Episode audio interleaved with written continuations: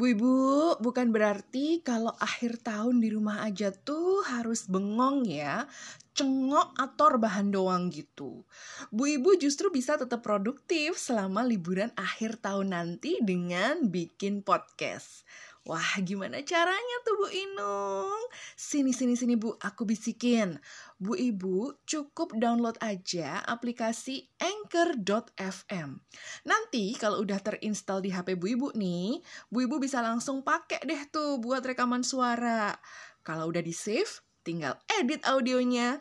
Terus tambahin musik latarnya juga. Dah jadi tuh Bu.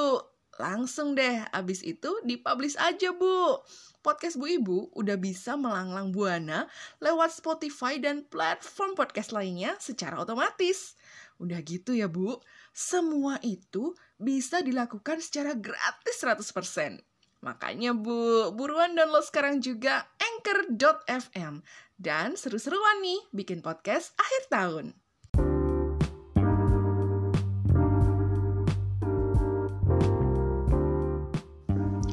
Assalamualaikum warahmatullahi wabarakatuh. Bu Ibu, apa kabar? Gak kerasa ya udah di minggu terakhir nih di bulan November. Gimana rasanya? Mudah-mudahan masih semangat ya menuju akhir tahun 2022 Meskipun mungkin perjalanan Bu Ibu di 2022 ini banyak sekali menghadapi aral melintang Cie bahasanya rel melintang. Bu ibu itu harus tetap teguh kukuh berlapis baja. Seperti lagu perjuangan kita dulu. Teguh kukuh berlapis baja. Mungkin selama perjalanan Bu Ibu di tahun ini mengalami banyak sekali halangan.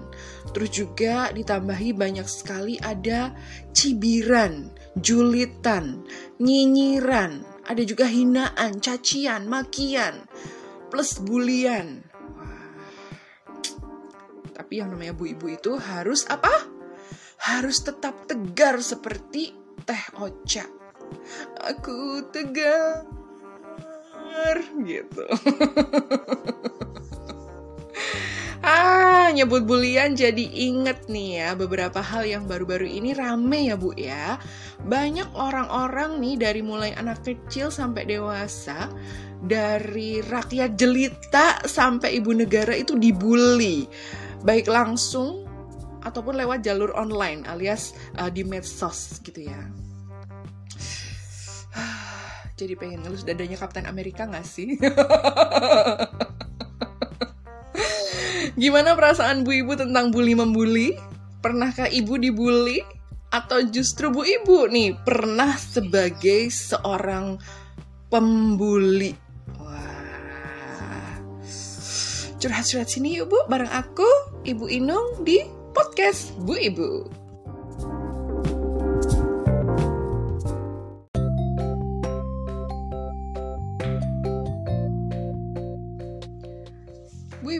Recently banyak sekali berita tentang perundungan ya, pembulian gitu. Dan aku yakin sih yang nggak masuk berita juga lebih banyak karena nggak ketahuan aja atau mungkin dianggap itu bukan sebuah uh, aksi perundungan gitu. Tapi sekarang kan zamannya medsos kan ya, mau memviralkan kejadian perundungan, kejadian pembulian itu tuh gampang gitu. Apalagi sekarang ini juga bisa dibilang udah banyak masyarakat, banyak warga net juga yang udah melek wawasan tentang perilaku bullying dan bahaya bullying ini. Nah, sebenarnya tujuan memviralkan itu apa sih sebenarnya gitu? Tujuan memviralkan aksi bullying itu apa gitu? Sebenarnya awalnya itu hanya untuk membantu si korban bully ini, si korban bullying ini supaya segera dapat perlindungan gitu loh dari aksi bullying si pelaku dan supaya si pelaku ini bisa segera diamankan lah ya dalam tanda kutip gitu dan ditindak sesuai perilakunya itu yang uh, menyebabkan kerugian pada si korban bullying. Jadi itu sebenarnya tujuan awalnya. Karena apa? Karena uh, kadang ketika korban bullying ini uh, misalnya curhat atau ngadu ke orang tuanya sendiri gitu bahwa Bu, Pak, mah pah aku tuh tadi dibully loh sama temenku misalnya kayak gitu ya. Kadang orang tua sendiri tuh nggak percaya gitu. Kadang minta buktinya gitu. Mana buktinya gitu. Apalagi kalau misalnya tidak ada luka-luka di tubuh anak itu. Tidak ada luka-luka akibat physical bullying gitu loh. Ya kan karena memang mungkin bentuknya bukan physical bullying gitu kan nah kalaupun misalnya orang tua itu akhirnya menyadari bahwa anaknya udah jadi korban bullying, terus lanjut lapor ke polisi, polisi pun pasti akan tetap minta ada buktinya gitu. Masalahnya nih ya, ngebuktiin aksi bullying itu kan gak mudah ya, kecuali ada orang lain yang merekam aksi bullying itu dalam bentuk video gitu loh. Jadi ada bukti visualnya itu seperti apa. Cuman nggak jarang juga ya Bu ya, ketika sudah ada buktinya, pihak yang berwenang menangani hal ini tuh kayak kayak nggak gercep gitu ya, nggak gerak cepat gitu loh. Kayaknya tuh nggak segera diusut gitu loh. Siapa pelakunya, kenapa melakukan itu, kerugiannya sampai berapa gitu kan. Mungkin kerugiannya bukan masalah kerugian material berapa rupiah, berapa juta rupiah gitu ya, tapi kerugiannya kan uh, ada kesakitan fisik gitu ada injured gitu ya cedera fisik terus juga uh, mentalnya juga mungkin kena kayak gitu loh dan bisa dibilang level kerugian yang dialami korban tuh gede juga ya kan? Karena ada yang sampai benar-benar harus dirawat di rumah sakit. Terus ada juga yang pernah sampai cacat permanen. Ada yang uh, kesehatan mentalnya tuh terganggu karena trauma terus menerus gitu loh karena dibully gitu. Bahkan juga ada yang pernah sampai uh, meninggal dunia ya kan? Nah sebenarnya physical bullying yang dilakukan anak-anak tuh dasarnya apa sih gitu kan mungkin kita bertanya-tanya juga ya anak-anak tuh sekarang kok gampang banget ngebully temennya tuh sebenarnya dasarnya apa sih I don't know exactly gitu. Tapi kalau lihat aksi mereka itu yang terekam kamera ya, itu benar-benar bikin miris loh. Saya lihat beberapa footage gitu ya dari Twitter gitu kan biasanya dan kemudian merambah ke medsos medsos lainnya itu bikin miris banget gitu kan. Uh, level anak SD itu sekarang itu nggak cuma berani ngata-ngatain temennya loh ya. Dan itu bukan sesuatu yang dalam dalam rangka bercandaan kayak gitu. Tapi udah juga terang-terangan berani nampar temennya bener-bener nampar yang kayak didasari rasa marah kayak gitu. Didasari rasa benci gitu tamparannya itu. Nah itu alasannya apa it's not clear enough gitu. Kenapa kok dia bisa kemudian merasa berhak untuk menampar temannya sendiri satu kelas gitu loh ya? Apakah karena memang temennya itu melakukan kesalahan sepertinya tidak gitu kan? Dan ketika ditelisik gitu kan beberapa pelaku bullying ini mengaku bahwa ya karena temanku tuh nggak cantik. Temanku tuh miskin kayak gitu. Ada beberapa alasan yang dikemukakan seperti itu. Oh my god. Alasan-alasan yang nggak masuk akal ya sebenarnya ya gitu. Untuk untuk kemudian menjadi latar belakang kenapa dia bisa merundung temennya sendiri gitu kan. Hanya karena dia merasa temennya itu nggak cantik hanya karena merasa temennya itu adalah uh, orang dari uh, latar belakang ekonomi yang berbeda dengan dia alias miskin lebih miskin daripada dia. Kemudian dia merasa berhak untuk melakukan hal-hal kasar seperti itu. Apa tujuannya coba? Ya nggak sih? Ya nggak sih? Kalau ditanya tujuannya apa kemudian? Membuat si anak itu merasa lebih nggak berhak lagi hidup di dunia ini gitu. Apa iya seperti itu gitu. Kan baru anak SD loh ya. Nah yang baru-baru ini anget juga soal anak SMP yang memaksa temennya itu pakai helm di kelas. Terus dia dengan sombongnya menendang kepalanya itu sampai akhirnya si korban itu pingsan dan dirawat di rumah sakit. Kalau dipikir-pikir sebenarnya apa sih yang ada di pikiran anak-anak ini sampai bisa punya niat membuli sama temennya gitu? Apa sih yang ada di pikiran mereka? Kayak gitu. Miris banget kan prihatin gitu loh melihatnya ini kenapa sih anak-anak umurnya masih sangat muda gitu loh? Kenapa? Ingin membuktikan apa sebenarnya? Ya kan? Banyak yang bilang bahwa pelaku bullying itu hanya punya keberanian saat mereka bergerombol alias melakukan aksinya itu bersama-sama. Dan banyak juga yang bilang bahwa jika si anak korban bully ini kalau memang punya karakter yang kuat alias nggak menye-menye gitu ya pasti juga nggak akan dibully. Kalau si anak ini pede dia pasti akan bales gitu. Wah wait a minute wait a minute wait a minute. Saya agak-agak gimana gitu ya sama sama statement seperti ini gitu yang saya dapat dari uh, beberapa komentar netizen di internet gitu bullies itu atau perundung itu pelakunya itu kadang nggak butuh alasan khusus loh untuk melakukan aksi perundungan. Beneran loh hanya karena sekedar nggak suka sama si Anu nggak suka sama si itu nggak suka sama si A nggak suka sama si B. Karena nggak suka aja gitu ya cuma karena mungkin lihat sosoknya si A terus dia bilang ah gue nggak suka sama dia gitu kan bisa aja dia itu lalu memutuskan untuk menindas si orang itu si A itu dengan berbagai cara gitu ya. Mulai dari ngata-ngatain mulai dari ngejek-ngejek sampai akhirnya apa? Ya itu tadi main fisik physical bullying gitu.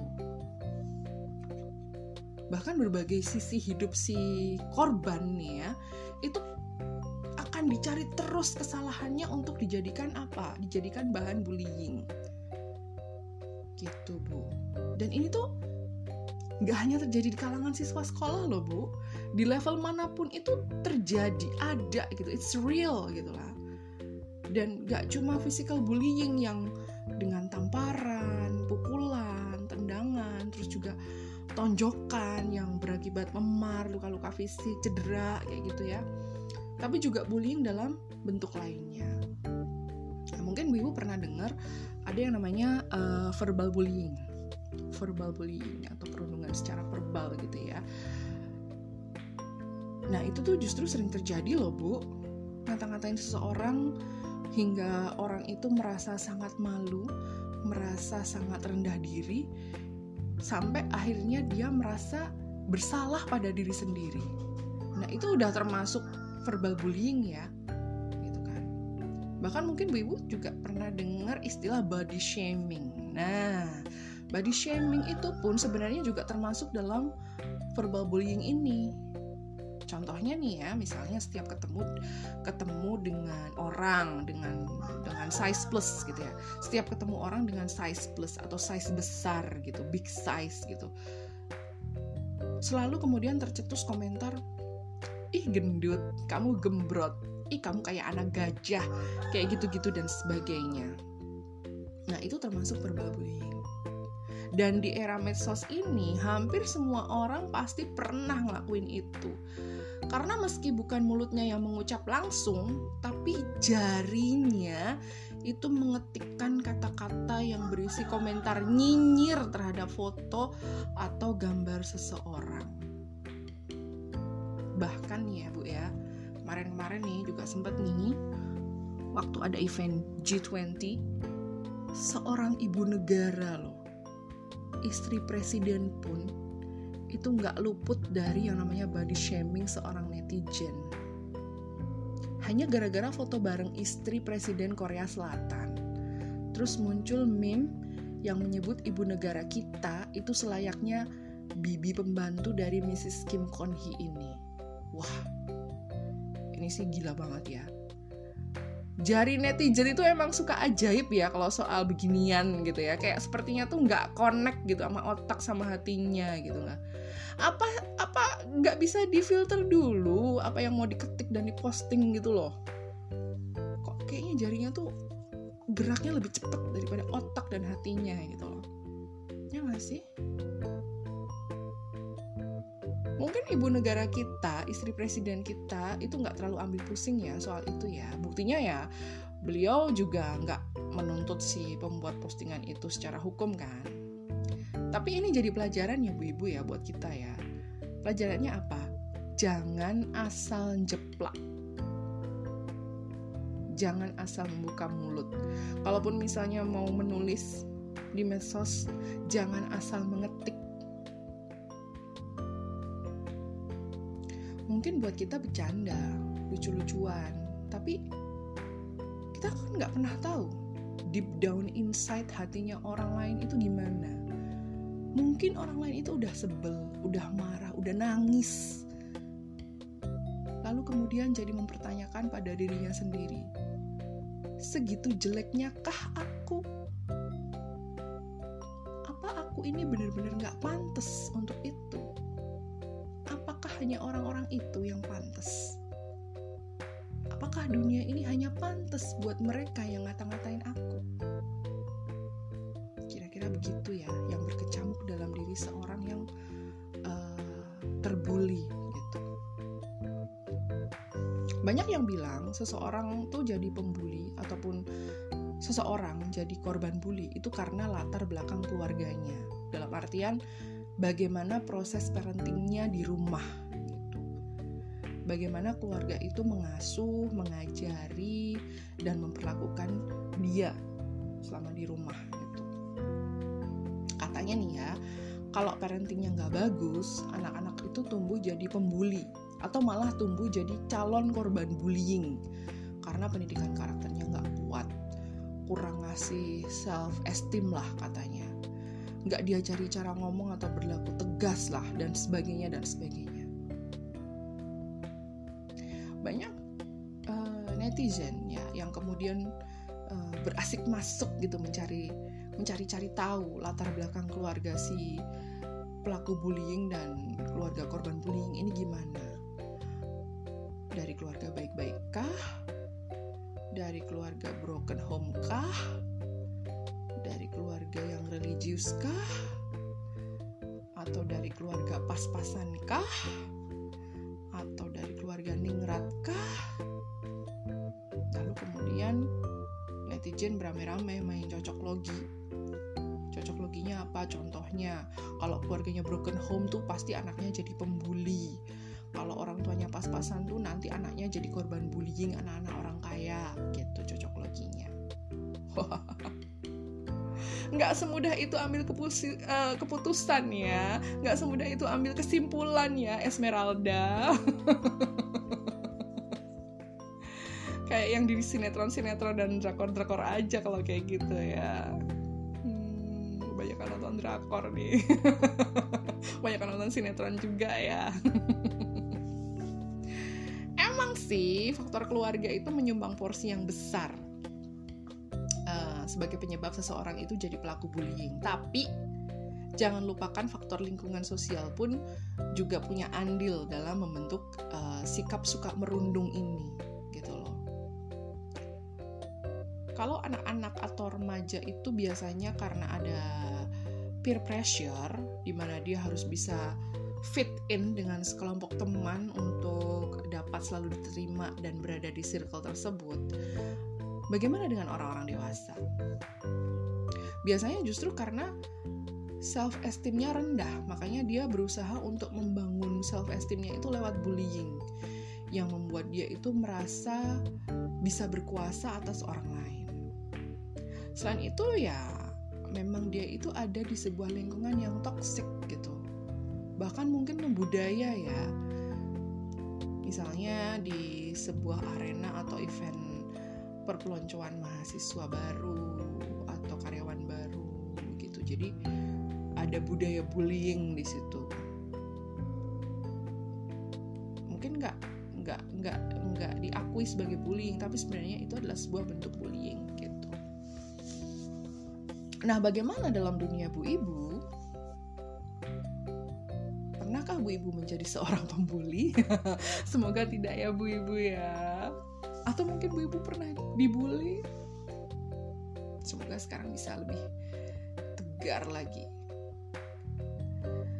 Dalam dunia bu ibu mungkin tidak terlalu kentara ya. Mungkin secara secara nggak sadar itu dilalui dengan begitu aja gitu loh. Ya.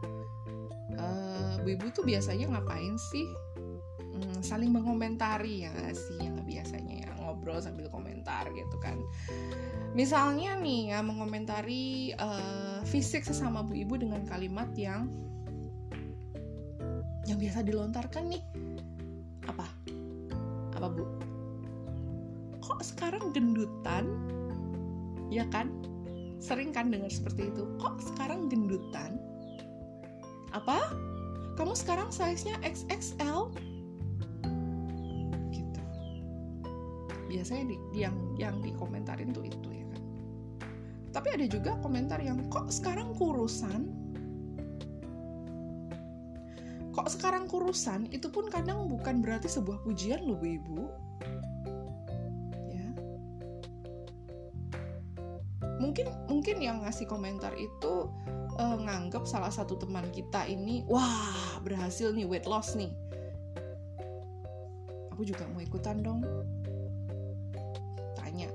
gimana bisa kurusan kayak gitu gitu kan. Padahal sebenarnya padahal sebenarnya dia bukan bukan dengan niat untuk weight loss gitu kan. Dalam realitanya dia justru sedang berjuang misalnya sedang uh, memperbaiki stres manajemennya sampai kehilangan berat badan. Kita kan nggak tahu itu ya ya atau mungkin gini ada yang komentar uh, physical juga wah udah ubanan padahal belum 40 loh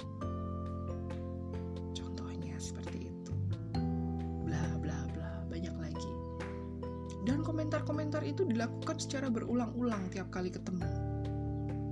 Sampai akhirnya apa bu? Yang dapat komentar itu tadi jadi mempertanyakan keberadaan dirinya. Selamat bu, Anda sudah jadi perundung. Hobi banget komentarin orang. Tapi menjadi perundung itu bukan sesuatu yang patut dibanggakan loh Bu ya. Ingat itu. Ketika Anda merasa bahwa Anda punya kuasa atas teman Anda itu, bahwa kemudian merasa bahwa Andalah yang berhak atas dunia ini dan teman Anda kembali mempertanyakan, berhakkah dia atas dunia ini? Di situlah tercipta pelaku dan korban bullying. Ingat nggak kasus-kasus bunuh diri karena merasa selalu direndahkan dan merasa nggak berhak hidup di dunia ini karena terlalu jelek atau terlalu kurus atau terlalu gendut. Beberapa idol juga ngerasa seperti itu, Bu. Dia akhirnya merasa bahwa nggak berhak hidup di dunia ini karena terlalu banyak komentar di medsosnya dia yang menyebut dia itu terlalu jelek, terlalu kurus, tidak pantas buat jadi seorang idol, tidak pantas untuk hidup di dunia ini. Banyak bunuh diri karena itu. Semua itu berawal dari komentar yang sama yang diulang-ulang sampai akhirnya mengakibatkan mental breakdown dan lebih memilih buat pergi selamanya dari dunia yang udah kejam sama dirinya. Kan seperti itu. Now let's ask ourselves, do we deserve this world? Why? How? Do police deserve this world?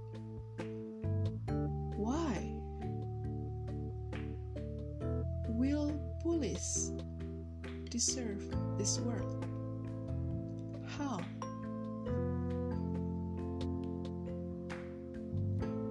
Semoga kita dijauhkan ya Bu dari sifat dan sikap merundung ini ya. Semoga kita juga bisa memberikan asuhan yang terbaik untuk anak-anak kita supaya terhindar dari perundungan baik jadi pelaku atau korbannya. And mari kita berdoa dan kita usahakan juga supaya masyarakat itu lebih sadar tentang bahaya perundungan ini. Amin. Amin amin amin amin amin amin. Thank you ya udah bareng-bareng sama aku di episode kali ini. Bu Ibu, jangan lupa juga subscribe dan follow podcast ini di platform podcast favorit Bu Ibu. Terus kasih bintang, love dan juga like-nya. Oke. Okay? Kalau mau DM untuk curhat Bu Ibu atau usulan topik silakan boleh banget uh, langsung aja ke akun IG at podcast Bu Ibu. Alright, Have a great November Bu Ibu. Podcast Bu Ibu by Ibu Inung will be with you again on the next episode. So long.